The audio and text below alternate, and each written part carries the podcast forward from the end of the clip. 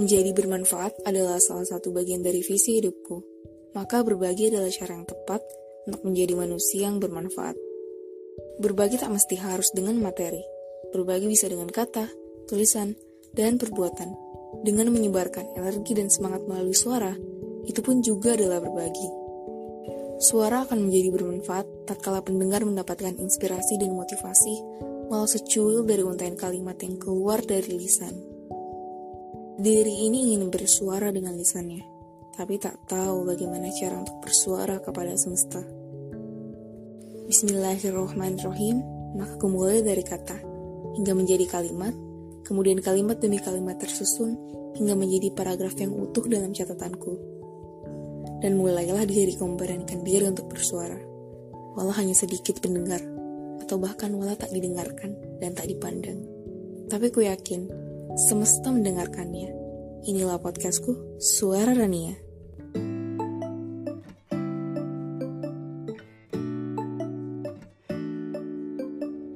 Assalamualaikum warahmatullahi wabarakatuh teman-teman semuanya. And welcome to my first podcast.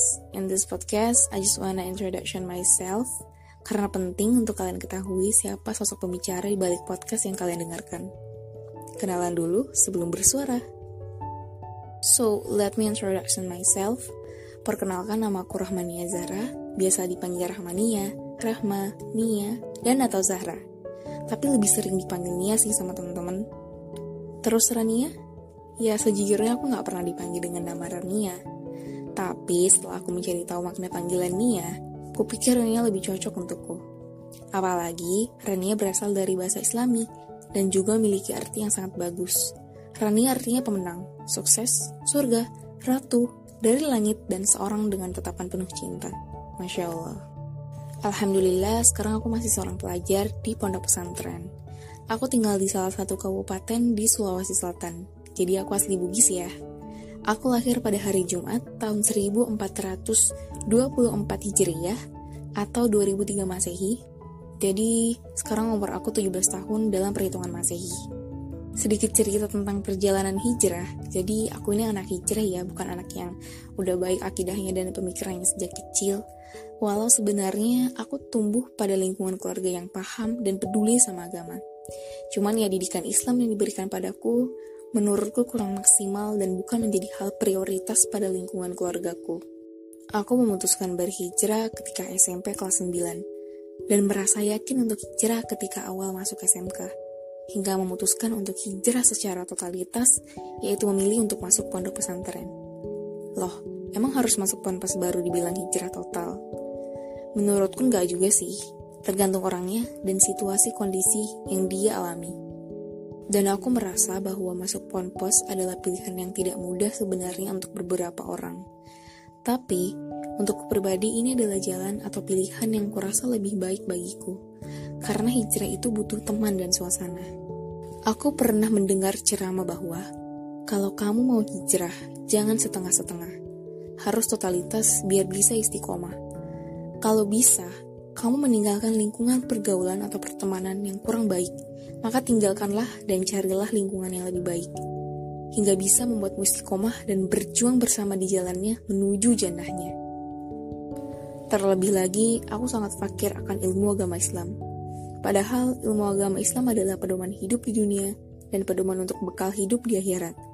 Dan Ponpes adalah tempat menimba ilmu agama Islam yang kurasa tepat untukku. Sudah lebih awal keputusanku tersebut kuutarakan pada teman-teman dekatku di sekolah. Mereka sedih dan melarang dengan berusaha membujukku. Saat guru kesayanganku mendengarkannya, ia sangat melarang. Beliau mengatakan bahwa banyak orang yang butuh aku di sini, dan di sini bisa menjadi ladang pahala untukku dalam berdakwah kepada teman-teman menuju kebaikan bersama. Senior perempuan yang mendengarkannya mengiyakan perkataan beliau guruku dan berharap aku tak pindah sekolah. Saat itu, aku masih kelas 1 SMK dan kupikir untuk sementara it's okay lah, aku akan tetap berada di sini. Hingga sampailah aku pada tahun kedua. Sering sekali hati ini diketuk oleh Allah. Pikiran untuk pindah sekolah kini makin terpikirkan olehku. Apalagi aku merasa bahwa dakwahku di sekolah ini mungkin sudah cukup. Sejauh ini, Allah tidak banyak mengetuk hati temanku melalui lisanku. Karena hidayah bukan kemauan kita, tapi kehendak Allah. Dan mungkin saatnya aku harus banyak belajar ilmu agama Islam. Kembali lagi aku menceritakan kepada teman dekatku dan memahamkan mereka akan situasiku sekarang yang sangat merasa fakir ilmu agama Islam. Dalam diriku saat itu, ilmu agama Islam adalah prioritas dan harus kuperjuangkan. Alhamdulillah mereka mengerti keadaanku. Sedih, tapi mereka mendukungku. Sampai suatu hari, keputusan pindah sekolah ke pondok pesantren telah bulat kuputuskan.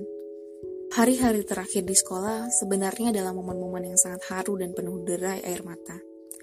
Dan terbuktilah ketika hari terakhir aku di sekolah, tepatnya pada hari Jumat saat waktu sholat Jumat, semua perempuan di sekolahku berkumpul di dalam satu ruangan.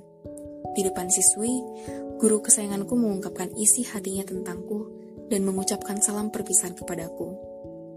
Dan pada akhir pertemuan, aku menangis, guruku menangis, sahabatku menangis, adik kelasku menangis, kakak kelasku menangis, dan banyak orang yang menangis. Salam perpisahan itu sangat bermakna bagiku, dan tangisan mereka bagiku sangatlah berharga, di mana mereka tak akan menangis jika tak ada cinta pada diri ini. Persaudaraan yang terjalin dengan penuh cinta akan bersedih ketika datangnya hari perpisahan itu. Dan aku sangat bersyukur kepada Allah karena telah menghadirkan mereka dalam perjalanan hidupku. Walau hanya secuil cinta, hati ini tetap sedih ketika tiba saatnya perpisahan itu. Aku yakin ketika aku memilih untuk pindah sekolah, banyak banget yang merasa itu adalah hal yang dadakan. Karena memang, aku enggan menceritakan kepada banyak orang. Alasannya karena aku tak mau bersedih dan melihat mereka sedih di hadapanku. Padahal keinginan untuk masuk ponpes itu ada sejak mau lulus SMP. Tapi aku sangat bersyukur sama jalan hijrah yang Allah takdirkan padaku dan hikmah-hikmah yang telah Allah berikan atas kejadian-kejadian dalam kehidupanku hingga sekarang. Aku percaya bahwa setiap apa yang Allah takdirkan dan pilihkan padaku, jika itu hal yang sesuai keinginanku atau baik pada pandanganku, maka aku harus bersyukur. Namun jika hal tersebut tak sesuai dengan keinginanku dan kurang baik di mataku, maka sungguh aku harus lebih bersyukur. Karena di balik semuanya, Allah akan memberikan hikmah atas hal tersebut kepadaku di waktu yang tepat untuk aku menyadarinya. Dan jika sungguh itu pilihan Allah, maka aku yakin itulah yang terbaik untukku. Sampai sekarang, aku masih berharap mendapatkan hikmah atas segala sesuatu yang terjadi padaku di masa lalu. Karena dari sanalah aku banyak belajar. Ya, itulah sedikit cerita perjalanan hijrahku. Aku belum menceritakan secara detail, mungkin suatu hari nanti, tapi tidak untuk sekarang. Dan aku berharap melalui podcast ini aku bisa berbagi pengetahuan dan pengalaman atau hal lainnya yang bisa bermanfaat bagi teman-teman semuanya. Mungkin cukup sekian dan terima kasih telah mendengarkan podcast pertamaku ini. Sampai bertemu di podcast selanjutnya hanya di Suara Rania. Wassalamualaikum warahmatullahi wabarakatuh. Melalui suara dari lisan, ku kemas dalam podcastku. Inilah Suara Rania.